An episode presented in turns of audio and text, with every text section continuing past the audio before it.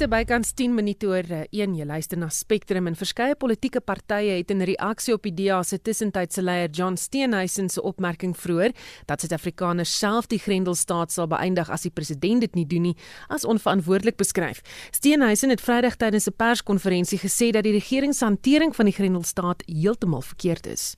We have got economic uh, abyss that we're staring into and there are many many more people They're going to die from a grinding economic recession than the virus could ever, ever harm, and that the lockdown has served its purpose. You lock down hard, you lock down early to buy you time to prepare your response. A extended hard lockdown uh, is not a solution in itself, and we're already starting to see many, many South African households brought to their knees because they are not able to sustain themselves via food or their livelihoods have been destroyed through uh, business closures and job losses. It's not a sustainable situation, and we've got to move to a more open uh, economy, but still practicing the safety requirements that we require. But we've got to open up more industries, get more people back to work. Steenhuisen sê die regering speel nie oop kaarte met die publiek nie, wat vir hom waarskuwingsligte laat flikker. But there are two key underpinnings of that. The first of those is that you need to be transparent about the data that determines how you move between the various stages. We've already seen in many Sunday papers yesterday government saying they're not prepared to share that with the public. Now, there's something wrong with that. The government doesn't want to share information with its citizens, uh, then we should know. The second thing is that level four is essentially level five with a military curfew and uh, two hours of exercise in the, in the morning, three hours of exercise in the morning. There's very little to distinguish it from the extremely hard lockdown. Uh, tobacco and alcohol still not able, able to be sold huge numbers of goods still not able to. There's very little to distinguish level four from level five. And we are starting to reap the economic consequences of that. And there is an intrinsic link between GDP and infant mortality and mortality rates in a country. The longer our economy remains in hard lockdown, the more people are going to be put in massive harm's way from hunger, starvation, and other ailments that uh, afflict South Africa. And so it is a balancing act, and the staged approach is the right way to do it. Government has made a monumental error in the way in which they've geared uh, their level four. And had they looked at the level four proposal that we had sent in, I think we wouldn't be sitting in nearly as much difficult position as we are now. The bottom line is this current hard lockdown cannot continue because it is going to harm many, many more South Africans than the virus ever could. Steenhuisen sê verder die argument dat die Wes-Kaap die middelpunt van die uitbreking is, is ook nie korrek nie. Steenhuisen voer aan dat meer mense positief toets in die provinsie, nie omdat daar meer gevalle is nie, maar bloot omdat die Wes-Kaap se regering die proses beter bestuur. This is the myth that's being peddled by the talking heads and media and in and by various other commentators. The reason that you've got cases much higher in the in the Western Cape is because they're actively testing. On the 6th of May, 833 um, versus 600 and something in Gauteng. This is a province that is actively going out to look for the virus and doing exactly what Professor Karim had instructed provinces to do to go and find the small fires and deal with them before they become a raging inferno that you cannot deal with. So the Western Cape is actively going out doing testing, tracing, and tracking, and is is doing precisely that, which is exactly why the health minister in his uh, meeting this week with uh, Alan Woody left it said he was satisfied with the Western Cape government's response to the crisis because we're doing in the Western Cape what every other province should be doing. En dit was die tussentydse van die DA John Steenhuisen. Aansoeke om die regering se spesiale sosiale verligtingstoelaag vir werklose mense het vandag amptelik geopen. Die minister van maatskaplike ontwikkeling, Lindiwe Sisulu, het vanoggend terwyl 'n media-konferensie beklemtoon Suid-Afrikaners moenie kansse vat en verdien toelaag aansoek doen indien ander toelaas reeds ontvang word nie. Die minister het ook aangekondigings gemaak oor die verslapping van sekere maatreëls onder die vlak 4 inperking. Die tydelike werkloosheidstoelaag beloop R350 per maand. Aansoeke kan per e-pos, WhatsApp en SMS ingedien word. Geen aansoeke sal by SASSA kantore wat nasionaal van vandag af onder streng veiligheids- en gesondheidsprotokolle oopmaak ingedien word nie. Die bedryfshoof van SASSA, Busisiwe Memela Kambula sê, die regering sal alle aansoeke deur regeringsstelsels nagaan om seker te maak daar is nie kansvatters nie. Aansoeke moet vergesel wees van 'n ID-nommer, naam van en residensiële adres, maar 'n bewys van adres is nie nodig nie. The key people that will be able to apply will be those that are above 18. Because in instances where people are less than 18, if they are uh, people that are destitute, it means the child would still be receiving a child support grant in any case. It has to be people that are unemployed, those that are not receiving any income and not receiving any grant. And when we say any grant, we don't only uh, mean a, a, a, social grant which may be received from SASA. If you are receiving a grant from UIF because of the dispensation that has been provided, it therefore means that you will not qualify. Die minister van maatskaplike ontwikkeling Lindiwe Sisulu het aangekondig die maatreël ten opsigte van die beweging van kinders van ouers wat van mekaar geskei is en in verskillende provinsies woon, maar gesamentlik verantwoordelik of gesamentlik verantwoordelik is vir die toesig oor hulle kinders sal ook aangepas word. Ouers moet egter die nodige dokumente tot hulle beskikking hê.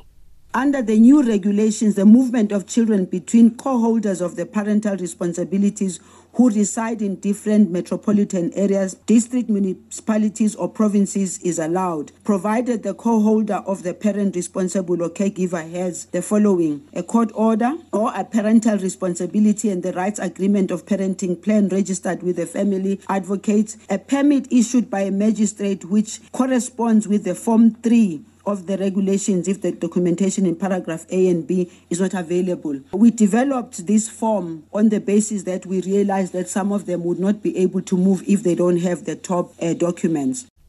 Minister Sisulu het ook aangekondig dat meer as 1800 bykomende maatskaplike werkers in die onderskeie provinsies ontplooi sal word om mense met COVID-19 kwessies by te staan. Talle werkende ouers wonder ook wanneer kleuterskole en kinderontwikkelingssentrums sal oopmaak. Die minister het gesê dit word in samewerking met die departement van onderwys gedoen, maar die risiko is steeds te groot vir die verspreiding van die koronavirus om dit onder vlak 4 regulasies te doen. Die departement van basiese onderwys vergader op die oomblik met onderwysvakbonde oor skole se gereedheid om te heropen. Die uitvoerende hoof van die Suid-Afrikaanse Onderwysunie, Chris Klopper, het vroeër aan Justin Kennerly gesê wat hulle verwag van die vergadering. Die doel van die vergadering is, is om seker te maak dat planne is in plek om skole gereed te kry met betrekking tot die hele kwessie van beskermde toerusting sodat leerders en opvoeders uiteindelik veilig kan wees. Dit is veral met die eerste stap belangrik dat die skoolbestuurspanne toegerus word met maskers, met saniteerders en dat baie belangrik dat hulle ook weet hoe om sekere situasies te kan hanteer. Daardie kategorieë val almal binne in ook die persone wat die skoolbestuure verteenwoordig en die onderwysdepartement wil net hê hulle moet opdaag en daar is geen planne in plek oor hoe om hulle koherent en planmatig te kan hanteer nie. Dit was een van ons groot probleemareas gewees. Klopper sê alle onderwysvakbonde is betrokke by die vergadering. Hy hoop en vertrou egter dat provinsiale onderwysdepartemente ook teenwoordig sal wees. Hulle is die funksionele afdelings wat die planne wat op nasionale vlak gemaak word moet implementeer. En kom ons wees eerlik, dit is op die provinsiale vlak waar hierdie hele proses skibreek lê. Hulle is besig om die minister en die DG van onderwys onder die bus in te gooi as gevolg van hulle onbeholpenheid met betrekking tot bestuursmatige aspekte wat werklik nie fisika is nie. Volgens Klopper kan hulle nie nou al sê of skole gereed is om te heropen nie. Daar is bloot te veel probleme wat nog aandag kort. In die eerste plek is dit belangrik met betrekking tot die kurrikulum om in ag te neem dat daar is nie meer genoeg tyd om die totale kurrikulum soos dit tans bestaan te kan dek nie. Veral nie ten opsigte van die grade wat later terugkeer na die skole toe nie tot so laat as Junie, Julie. Um hier teen einde Julie ook sover. Daar is nie genoeg tyd daarvoor en dit is belangrik dat kurrikulum inkorting plaasvind. Dit wil sê daar word gefokus op die primêre boustene van die bepaalde kurrikulum om seker te maak dit word gedek sodat kinders gereed is vir volgende jaar se volgende graad ook. Dis die een aspek. Tweedens, soos ons aangedui het, dit is belangrik om die 27 miljoen maskers, die omtrent 50000 elektroniese skandeerders, die 25000 sanitasiepakkette by skole te kry. En dit klink eenvoudig, maar dit is 'n geweldige logistieke oefening om daardie toerusting by skole te kry. En die aanvoeling is dat dit moeilik sal wees om dit tot so maklik as volgende volgende week maandag by al die skole in Suid-Afrika te kry. Um een van die politieke vrae wat geantwoord moet word is: sal die stedelike skole toegelaat word om te begin terwyl die plattelandse skole dit nog nie ontvang het nie? Ons aanvoeling is dit is nie 'n billike hantering nie en dat daar veel te sê oor die plattelandse skole wat aan die agterspeen speen weer suig. Daar is wel spesifieke vrae wat die SAOU vandag aan die departement gaan vra. Ons wil weet wat is die huidige status van die bestellings van die maskers, die sanitasiepakette en die elektroniese skandeerders. Waar is dit in die wêreld en wanneer gaan dit afgelewer word en watter planne is in plek om dit te kan bewerkstellig? Dis die eerste saak. Tweedens, sal ons graag wil weet hoe gaan personeel hanteer word? Baie belangrik, hoe gaan die personeel ouer as 60 jaar hanteer word? En ons verstaan almal is nie ewe siek omdat hulle ouer as 60 jaar is nie. Hoe gaan die komorbiditeite hanteer word met betrekking tot hartsiektes, lewersiektes, um kwessie van nierprobleme, um en ook kanker en so kan ons aangaan. Hoe gaan hoe gaan rokers hanteer word want hulle word ook beskou as 'n kwesbare groep? En dan wat is die onderliggende proses en kriteria waarvolgens dit gaan plaasvind? Dit bestaan nog nie. Ons wil graag weet hoe gaan swanger dames hanteer word. En dan baie belangrik, sal ons graag wil weet, hoe gaan hulle die kurrikulum hanteer? Is dit die kalender soos dit voorgehou is aan ons of is daar wysigings op die voorgestelde kalender?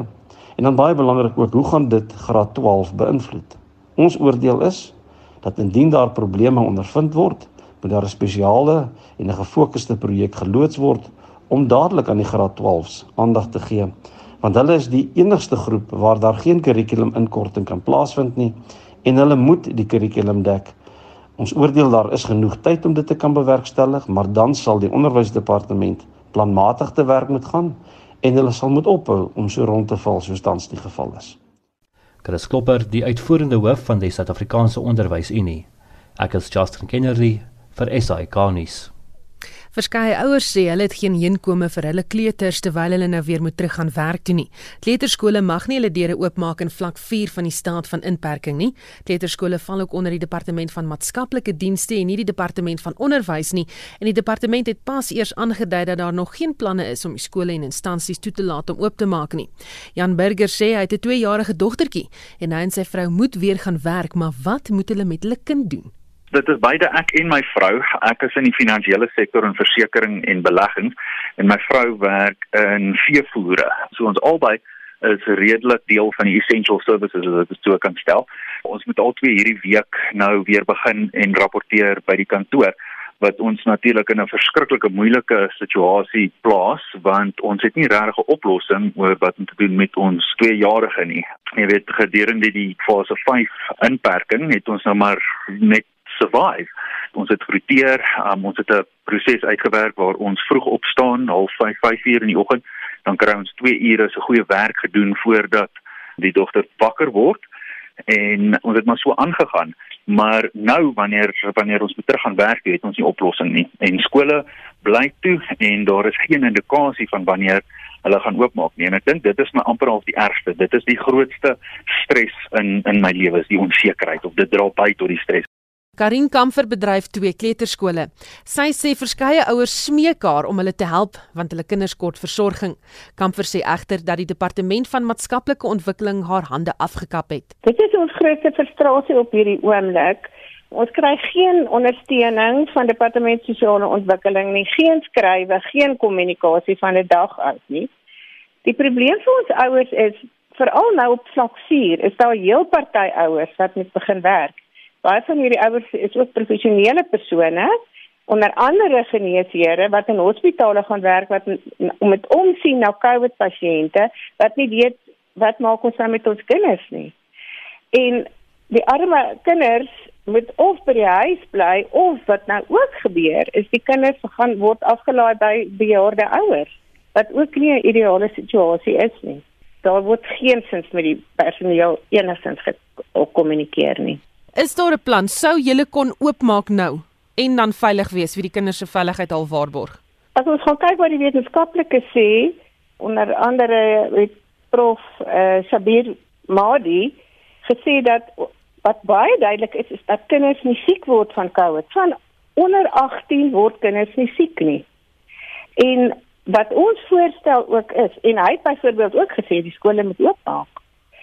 Wat ons voorstel is, kom ons faseer dit ook in en ons akkommodeer ten minste nou vlak 4 se ouers of ouers wat by die huis moet werk waarvan daar een ouer uit moet werk en 'n mamma wat moet werk. En ek sien soveel van die mammas wat by my kom huil en sê Karin ek sit hier by die huis ek kry nie gewerk nie. Ek moet 8 uur as daar as my kinders in die bed is dan begin ek werk tot 12 uur 1 uur in die nag want ek kry nie gewerk nie en dat 'n mens dan daai ouers kan akkommodeer en nie noodwendig al die kinders gelyk weer in die skool toelaat nie die wat dit moontlik is om by die huis te bly saam met ouers wat wel kan sien daarvoor wat se omstandighede so is en dat ons ten minste die ouers kan begin help waar dit vir hulle absoluut 'n groot probleem is.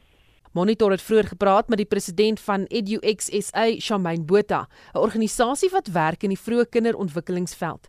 Botha sê die departement het hulle tot vandag toe in die donker gelaat oor wat die pad vorentoe is. Ek dink dit is regtig 'n baie sensitiewe saak. Die hele sektor voel presies soos ek voel dat 'n mens 'n bietjie 'n gevoel van magteloosheid het. Jy weet daar's nie leiding van hulle af nie. Die laaste woord wat ons gehoor het omtrent van hulle was die dag toe hulle ons gevra het om toe te maak en gesê het asseblief nie hulle deure oopmaak as gevolg van COVID-19 nie. Ek dink dit sou baie makliker gewees het vir die sektor om daai gevoel van ondersteuning te hê as hulle soos die fokus wat daar van departement van onderwys en hoër onderwys is net telke maal op die televisie of oor die radiostasies net iets van hulle kant af gesê het. Ek ek besef hulle fokus is op sosiale probleme en in hierdie tydperk is daar baie mense sonder kos en sulke goed.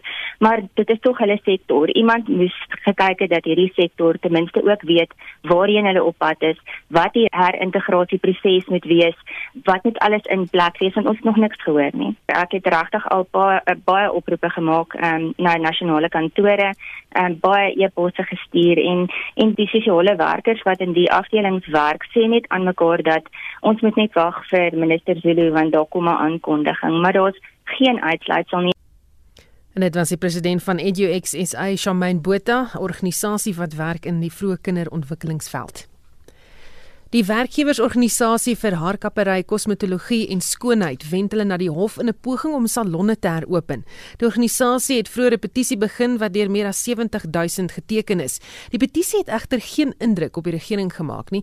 'n Advokaat Carlo Viljoen van Victor Online Legal Consultancy gaan die saak nou volgende week in die Hooggeregshof verder voer. Ons praat met hom. Goeiemiddag Carlo. Uh, middag Susan, dankie dat jy my 'n uh, uh, geleentheid gee.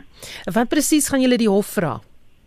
Eerstens gaan ons vir die hof sê hierdie is 'n dringende saak. Uh dit gaan oor lewe en dood vir meer as 'n miljoen mense. Daar's ongeveer 90000 geregistreerde haarkapskes en 120000 ongeregistreerde haarkappe wat almal afhanklik is het van hulle staf wat vir hulle werk en dan is daar nog die hele industrie van bemarking van uh, goedere en, en dienste wat aan hulle gelewer word. So ons het met 'n uh, oor 'n miljoen mense wat nie kos op die tafel het nie. En dit moet baie dis 'n baie dringende um, ding wat gedoen het. Want in hierdie industrie is dit meestal ek het oor 600 e-posse gekry van enkel ma's wat nie meer kos het vir hulle kinders nie. Dis 'n hand to mouth industry en ons moet dringend die uh, hierdie mense terugkry in die werk sodat hulle kan begin inkomste verdien. Dink jy die hof sal die meriete van die saak meer noukeurig oorweeg aangesien dit deel is van die noodtoestand se regulasies? Ehm um, ons vra dat ons gaan vir die hof sê dat daar sekerlik meer redelike uh, aksies wat hulle kan neem as hierdie drastiese aksie. Ek het 'n hele paar kenners wat my gaan bystaan. Ek het byvoorbeeld die uh, kenner van die longinfeksie en van die Universiteit van Kaapstad wat kan sê dat die risiko kan beheer word en hoe dit kan gedoen word. En dan het ek uh, die uh, um, rapport van 'n aktuaris wat sê hierdie aksie gee die kans van 29 keer meer om mense van uh um honger te laat sterf as wat die uh, virus hulle gaan laat sterf. So ja, ons het baie uh, baie goeie saak, ons het baie goeie kenners um wat ons bystaan. Ek is seker ons kan die hof oortuig dat daar's baie meer redelike stappe wat mense kan neem en ehm um, daar's al reeds in China en in Duitsland en Amerika uh um hairdressers wat oopgemaak is onder 'n level 4 met um sterk protokol so ek dink ons het 'n goeie kans ja Die regering is bekommerd oor sosiale distansiering en nou kontak met mense. Um, is daar 'n plan deur haarkappers en skoonheidsterapeute om, jy weet, veilig te wees as hulle werk? En natuurlik daar's uh, uh, en ek het die plan deeglik uitgesit in ons uh, hof aansoek. Ehm um, van persone wat in die haarkap kapper en die salon inkom en hoe hulle getoets kan word, die werkers wat getoets kan word, hoe die afstand kan kan gehou word en mense wat 'n hoë risiko het wat dalk nie sal uh, gevra word om nie te gaan nie. Daar's baie protokols ehm um, en daar's ook ehm um, soos ek sê China en Duitsland en Amerika wat deeglike protokols al al reeds ehm um, in plan het. So ja, ons het dit deeglik uitgesit in ons hof, uh, hof aansoek. Dan is daar mense wat agter geslote deure hare sny en so voort. Dink jy die hof gaan dit in ag neem? Ehm um, ek weet nou nie van dit nie. Ek het nog geen ehm um, rapport van dit gekry. Maar uh, dit is tog duidelik as 'n wet onredelik is, soos die beperking van uh die die verkoop van alkohol in Amerika, gaan niemand by daai wet hou nie. So ehm um, as mense die wet oortree, 'n onredelike wet wat deur die regering ingebring is, kan hulle mos verwag dat mense dit gaan oortree. Baie dankie. Dit was advokaat Carlo Viljoen van Victor Online Legal Consultancy. Die radioverhaal Hartebrekers het onlangs sy 1000ste episode gevier. Kort na daardie opname het alles tot stilstand gekom weens die inperking, maar Saterdag het die span voortgegaan om die verhaal vir die eerste keer in 3 maande weer op te neem onder streng veiligheidsregulasies en maatreëls wat deur 'n veiligheidsspan goedgekeur is. En ons praat met die skrywer en regisseur van Hartebrekers, Leon van Nierop. Goeiemôre Leon. Hallo, ek het jou so lank lank gesien. Hulle sal my weer aan jou moet voorstel as ek jou sien. Ja, ek dink ek gaan verby jou loop in die straat en nie weet dis jy nie. jy sal die stem herken. Dalk as jy instap en mag ons ook nie langs mekaar sit nie, so ek gaan nie weet waar jy is nie. Nou, dis is. maar dis wat radio so lekker maak, die tegnologie wat ons kan inspann om wel afstand te behou. Um Leon beskryf eers die veiligheidsregulasies met die opname Saterdag. Kom ek vertel vir jou hoe dit als begin het. Die bestuurder van RSG Magdalene Kreur en die hoofuitvoerende regisseur Kobus Burger het bymekaar gekom met die idee as televisiereekse weer opgeneem kan word. Hoekom nie radio nie? Nou alhoewel Hartebreker uh, redelik ver vooruit opgeneem is, het ons die emmer al begin leegskep. So het almal toe besluit om die uh, vir die akteurs weer werksgeleenthede te skep. Dus ek genader om spesiale episode te skryf wat ekonomies onder veiligheidsmaatreëls opgeneem kan word. So die veiligheidsspan moes eers in die ateljee gaan en dit is nog 'n ingewikkelde situasie. Die klankingenieur eh uh, Pakiso Motlung en meneer Kim Meiburg, hulle was die uh, veiligheidsspan en die persoon wat die ateljee herbedraad het. So Pakiso moes die hele ateljee herbedraad sodat elke speler sy of haar eie ateljee kon hê waarin hulle kon opneem en dan mag ook nie meer as 3 karakters per episode gewees het nie. So daar staan elkeen dus nou sielsalig alleen in sy of haar eie ateljee, praat met mekaar maar hoor mekaar op monitors en sien mekaar glad nie eers nie. Daarna moes ons die spelerskamer ander. Nou mense weet dalk nie maar daar's 'n groot tafel waarom gewoonlik 12 akteurs sit. Ek gesels met hulle, ek verduidelik vir hulle hoe hulle elke episode moet opneem. Dit kon ons nie doen nie. So ons moes 6 uh stoele plaas, 3 en 3 wat elke meter uitmekaar is. Die ander spelers moes almal die gang sit. Ek het in die deur gestaan met 'n masker op. Ek praat dan met hierdie akteurs wat almal maskers op het. Ek sê vir hulle wat elkeen moet doen. Elkeen stap dan na sy eie mikrofoon toe en en praat, jy weet hulle praat by elke mikrofoon. Maar daarna, dis ek nou gaan na die uh, opname ateljee. Dit moet ek vir jou sê, Susan was 'n bietjie was 'n bietjie klaustrofobies geweest want ek het daar eintlik in 'n glashok gesit. Jy weet daar was glasafskortings tussen my en Bongie Thomas wat die persoon is wat agter die bank sit, wat die bank die die, die klank doen en agter my is Evert Snyman Junior wat die byklanke doen. So ons was almal met glas van mekaar geskei waar ons gewoonlik by mekaar is en ek moes deur die glas met hulle praat en vir hulle sê wat gedoen moet word. En daarna moes ek met flitsse werk. Met ander woorde, die akteurs gaan elkeen sy eie ateljee en hulle kan my nie sien nie want gewoonlik kan hulle my sien.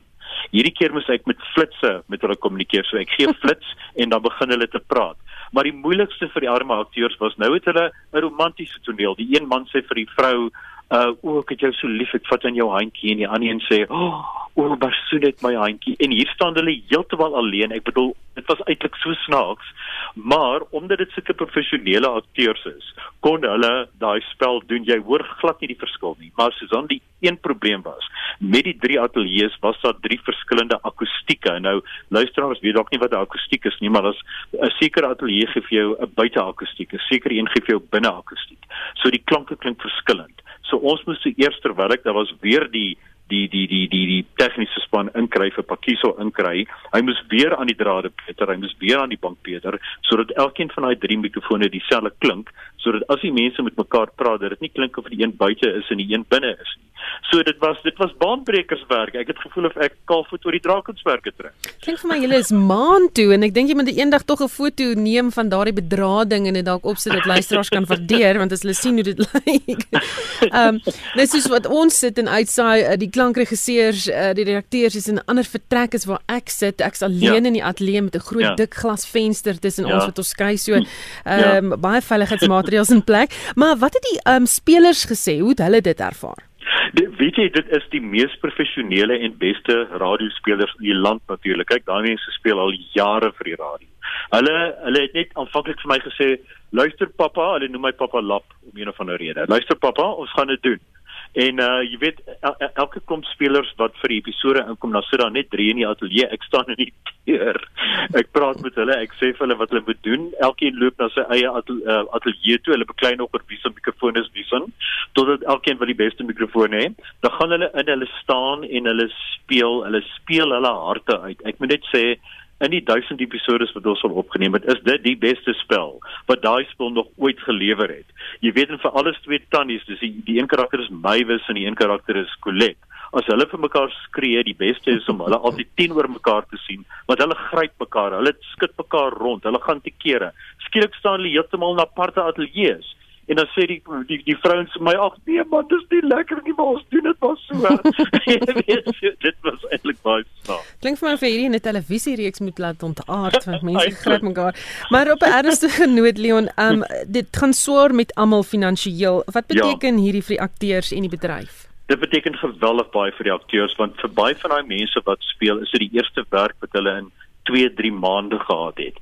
So dis die eerste verdienste wat hulle kan kry en ek het maar net besluit, jy weet, ek het soveel as moontlik akteurs en soveel as moontlik van episode aangeskryf soos wat my begroting my toelaat sodat hulle kon uh kon kon kon deelneem. Maar die ergste was baie spelers wil nie onder daardie omstandighede speel nie. Hulle is bang of hulle voel hulle gaan klaustrofobies raak. So ek het 'n speurder aangebring. Ek het eers Dinsdag hoor uh, ek kan opneem en ons het Saterdag opgeneem en dit neem my omtrent 3-4 dae om 16 episode te skryf, soms 20. En ek moes maar een van die speurders, die, die een van die rollespelers speurder. So toe ek gevoel hoe voel dit om daar te staan heeltemal alleen. Ek terroriseer hierdie mense. Ek ondervra hulle. Hulle kan my nie sien nie. Dit was verskriklik snaaks geweest, maar hoe sterker ek speel, hoe sterker speel hulle. So dit het ook vir hulle hulle moraal baie beteken. En ek moet vir jou sê ek het 'n klomp beskuit en sulke goed aangebring. Daai beskuit het binne 2 minute verdwyn.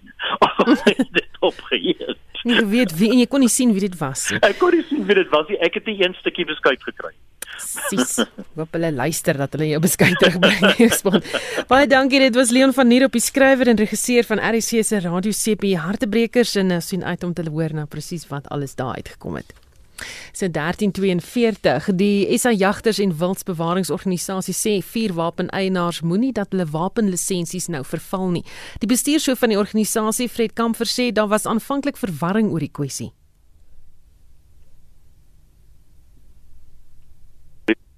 En rugby nuus. Die Nieu-Seelandse rugby het vanoggend aangekondig dat hul plaaslike super rugby kompetisie op 13 Junie sal afskop.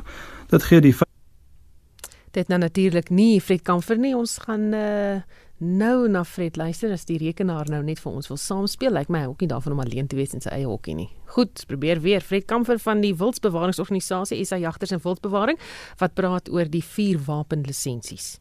Die aanvanklike benadering van die polisie en hulle antwoorde was dat vuurwapenlisensies nie essensiële besigheid is nie en vanaf die afsluiting begin het, het hulle geen aansoeke vir lisensies of vernuwing van lisensies ingeneem nie.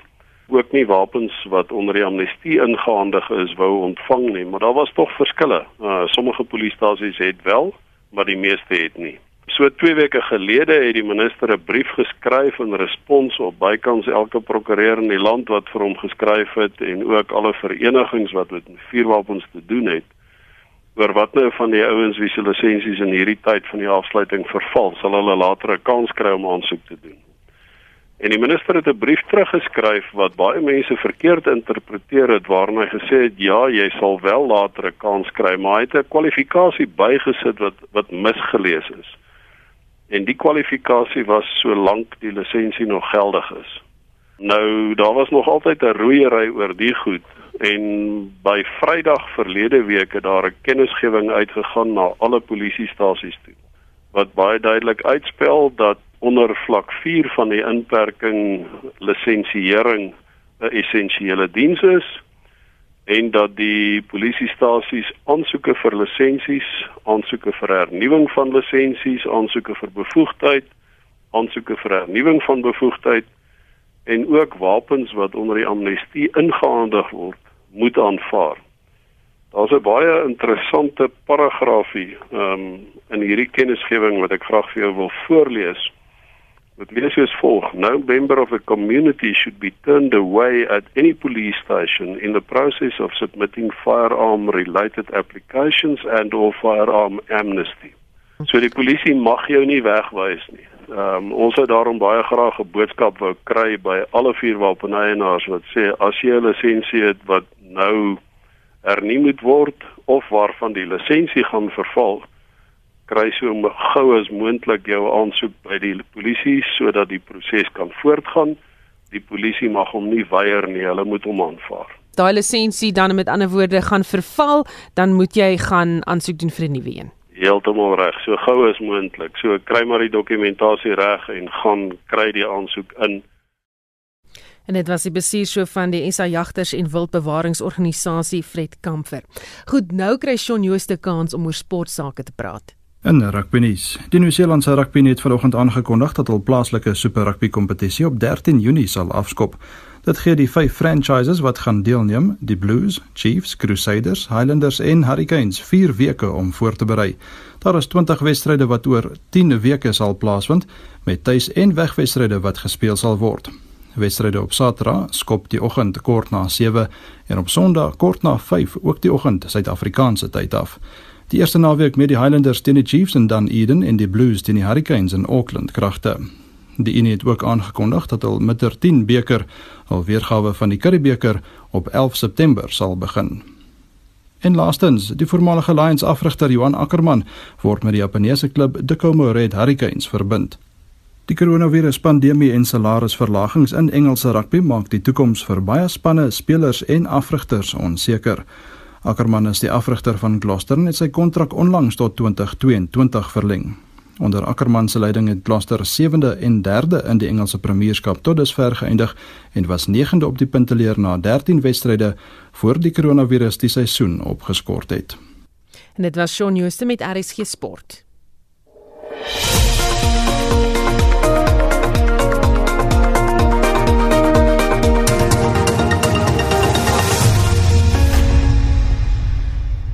So 1347 jy luister na Spectrum. Die oudminister van Finansies, Trevor Manuel, sê dit is uiters belangrik dat ons nie ons demokrasie verloor in die stryd teen COVID-19 nie. In 'n opiniestuk in 'n dagblad het Manuel spesifiek verwys na die beweerde magsmisbruik deur die polisie en die weermag. I don't believe that there's a trade-off between lives and livelihood. I don't believe that there's a trade-off between constitutional rights and the lockdown. I think that it's very important that The security services, who have a particularly important role to play during the lockdown, are an asset and that they help people. I've seen this elsewhere in the world. Uh, members of the police go around and they assist people. In this country, it's all about it's all about uh, the use of force. It's about uh, the abuse of law, and it's very important that um, those who are responsible at one level, the ministers of police and defense, and on the other hand, parliament actually take responsibility for this. In the case of police, the Police Act establishes civilian oversight and holds the police accountable for their actions, and this must be seen to be done. And uh, even in a more detailed way, the Defense Act, which was drafted some seven years after the Police Act, requires Parliament to be involved. That's the reason the President has to inform Parliament when he deploys soldiers inside the country. Parliament must have oversight. Manuel sê toe 'n senior weermaglid in die parlement gesê dat die weermag nie aan die parlement hoef te antwoord nie, moes elke Suid-Afrikaner dit afgekeur het. So when the chief of staff of the defense force, Lieutenant General Yam, goes to parliament and he says, "We're not your clients, we're not like the police, we don't answer to you." There's a fundamental problem. If we don't call these things out, then you will have a coup stage in this country. What we have to deal with, South Africa has to deal with, is a health issue, a deep health crisis that requires coordinated and consolidated responses from government. And this means you can't just leave discretion in the hands of people who should not have that discretion. That's one aspect. Manuel sê so kan hy verskeie voorbeelde noem oor hoe Suid-Afrikaners se regte ingeperk word. And police uh, aspect is one, but there are other issues as well. The fact that when the aged need uh, pension payouts, they have to queue regardless of social distancing and stuff like that. I think that, that we must ask of government to be a lot more considered, to be a lot more rational in the way in which decisions are taken. Uh, and so that we as ordinary South Africans can own the changes that are necessary to ensure that we can lower the infection rates of COVID-19. Manuel is van mening dat daar drie goed is wat Suid-Afrikaners in gedagte moet hou in die stryd teen die pandemie. My mind three parts. The first part is preventing the spread of the disease and that I think becomes paramount. We must prevent the infection rates because if we don't do something radical about preventing infection rates by the end of, of May, there'll be 31,000 infections, and sorry, 3,000 a day, and by the end of June, 26,000. That we can't tolerate because where people are more at risk, uh, the risk of death is so much greater. Uh, and, and that's the first issue. The second issue is the economy, and we must ensure that, that the economic rules are rational. And I think that a lot of the decisions that have been taken don't pass the test test of rationality. What you can buy, what you can't buy, etc., etc., doesn't work. And then the third part of it is is the general appeal to conduct, which includes police and army. Also, the idea that you may only exercise for three hours a day. None of this passes the test of rationality. And I think we, we need voices to speak to the National Command Council and ask that, that rationality be the order of the day, the objective being uh, the prevention of the spread of disease and illness. Dit was die uitminister van Finansies Trevor Manuel. Wetenskaplikes in Maleisië is besig met navorsing oor hoe kunsmatige intelligensie toegepas kan word om die COVID-19 pandemie te beveg. Pieter Geldenhuys van die London Business School verduidelik hoe kunsmatige intelligensie toenemend in die mediese veld gebruik word. Die belangrike ding om te besef is dat kunsmatige intelligensie vir veelvuldige doele gebruik kan word. Verskillende datastelle of fotos of video's kan gebruik word om te ontleed. En jy leer dan 'n kunsmatige intelligensie konstruk. Wat is die patrone waarna hulle moet kyk? Sê maar jy as 'n dokter ek kon agterkom dat die volgende ekstrale van 'n persoon almal COVID-19 in hulle long het dan kan jy 'n masjien leer of 'n artificial intelligence entiteit leer wat is die korrekte analise van hierdie ekstrale en deur dan sê maar byvoorbeeld 10000 ekstrale vir een van die masjienleer entiteite te gee en jy dui dan aan dat hierdie 6000 van hulle byvoorbeeld COVID-19 het, dan leer die kunsmatige entiteit wat is die patrone om te ontsluit. En met enige nuwe ekstra wat jy vir hom gee, leer maak hy dan 'n vooruitskatting. Jy kan ook dan daardie tyd kyk of hy enige foutiewe vooruitskattinge maak en dan herleer jy hom om die korrekte analise te doen. So hierdie tegnologie word al vir die laaste 5, 6 jaar gebruik in die analise van verskillende mediese aspekte. En ek dink dit is 'n baie belangrike ding om te besef omdat nie baie dokters kennis het van die COVID-19 infeksies nie. En daarom dink ek kan masjienleer 'n geweldige rol speel om te help met die analise daarvan. Pieter die BBC skryf nou dat dit geskwee is op die ontleding van algoritmes. Ja, ons moet besef dat jy masjienleer gebruik om dan die patrone te ontsluit. tussen al hierdie verskillende datastelle. En na die ontsluiting en patroonherkenning is, so kom ons praat van 'n netwerk. Wanneer die netwerk sal klop nodes na verskillende koneksies na hierdie nodes. Ons weet nie hoe lyk hierdie koneksies nie. Masjien leer leer vir ons wat is die koneksies tussen die nodes. Dit beteken na 'n paar iterasies kan ons 'n algoritme kry. Dit sê vir ons kyk na die volgende nodes en dit is die waardes wat ons aan die nodes koppel of die koneksies na ander nodes toe.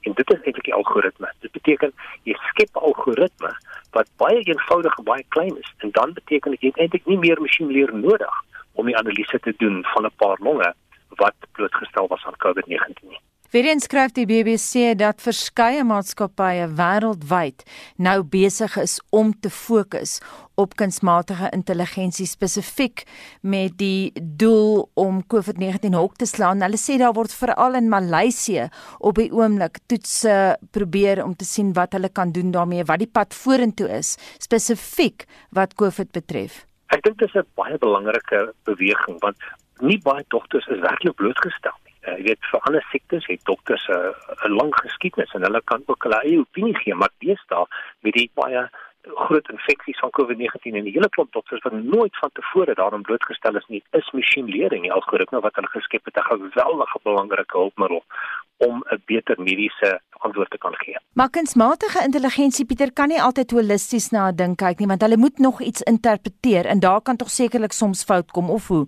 daar is daar was 'n baie interessante studie wat omtrent so jaar of 2 terug gedoen is raak ja uh, die fotos van kanker. Ek dink hulle noem kankers wat uh, geëvalueer as deur masjienleer en daar was iets baie interessant daar agter want in 'n paar van die fotos aan die onderkant van die fotos was daar 'n liniaal. En toe kom hulle agter dat uh, indien met die leer van die algoritme het hulle natuurlik nou 'n hele klomp fotos van moontlike kankers ook gegee, maar hulle het kom toe agter dat die oorgrootste meerderheid wat wel kankers was, het 'n foto van hierdie klein liniaaltjie aan die onderkant van die foto gehad. En toe kom die masjien weer identiteit en spesifiek dat indien daar hulle nie enige plek in die foto is dat daar 'n groter kans van kanker kan wees. So jy moet baie versigtig wees. Rekenaars het geen intelligensie nie. Dit help ons egter om beter na die koneksies tussen baie vaderlikes te kyk. En dis eintlik die waarde daar agter. So die tipe van insette wat jy gee tot die leerproses is uiters belangrik vir die akkuraatheid van hierdie algoritme. En dit was Pieter Geldenhuys van die London Business School en hy het met Anita Visser gepraat. Sudwana aan die KwaZulu-Natal se noordkus is totaal en al afhanklik van toerisme. En met die staat van inperking raak die nood in die gebied net al groter. Winnie Ndluli bestuur 'n pla plaaslike kleuterskool. Sy sê alhoewel sy self nie werk en inkomste verdien weens die inperking nie, is sy meer bekommerd oor die 75 kleuters wat in haar sorg moet wees. Now, during lockdown, are staying at home without payment. I don't know what can I do to help for them during lockdown. I am in a huge problem of COVID 19. It's destroying our life future, destroying our plans. Truly, I am in a tough time. Winnie sê die ergste is dat die waterpompe intussen by die skool gebreek het en daar is nie geld om dit te herstel nie. As I'm speaking, we lose with the pump box on 22 April night. I feel pains in my heart. How will I stay with the kids without water when we open? Mazwane is the purest place in a small town. Amanda van Jaarsveld van Adventure Mania in Sudwana sê die staat van inperking is baie swaar vir 'n maatskappy wat op toerisme staat maak. Sy sê egter daar's een voordeel van die staat van inperking en dit is dat hulle nou weer die see kan hoor. We all live about 4Ks, 3Ks uh, from the park because most of us live outside of the park and we don't normally hear the ocean and the breaking of the waves on that shoreline. But these days, with the silence and the quietness of Sodwana Bay, with uh, the lack of the tourists and the cars and all the hustle and bustle, we're able to hear that in the morning when we wake up. It's been quite a pleasure and something that we've ignored or not really taken notice of before. The birds are singing. We've got all sorts of nature happening around us as well, which has been really lovely. En dit was Amanda van Jaarsveld van Adventure Mania in Sodwana.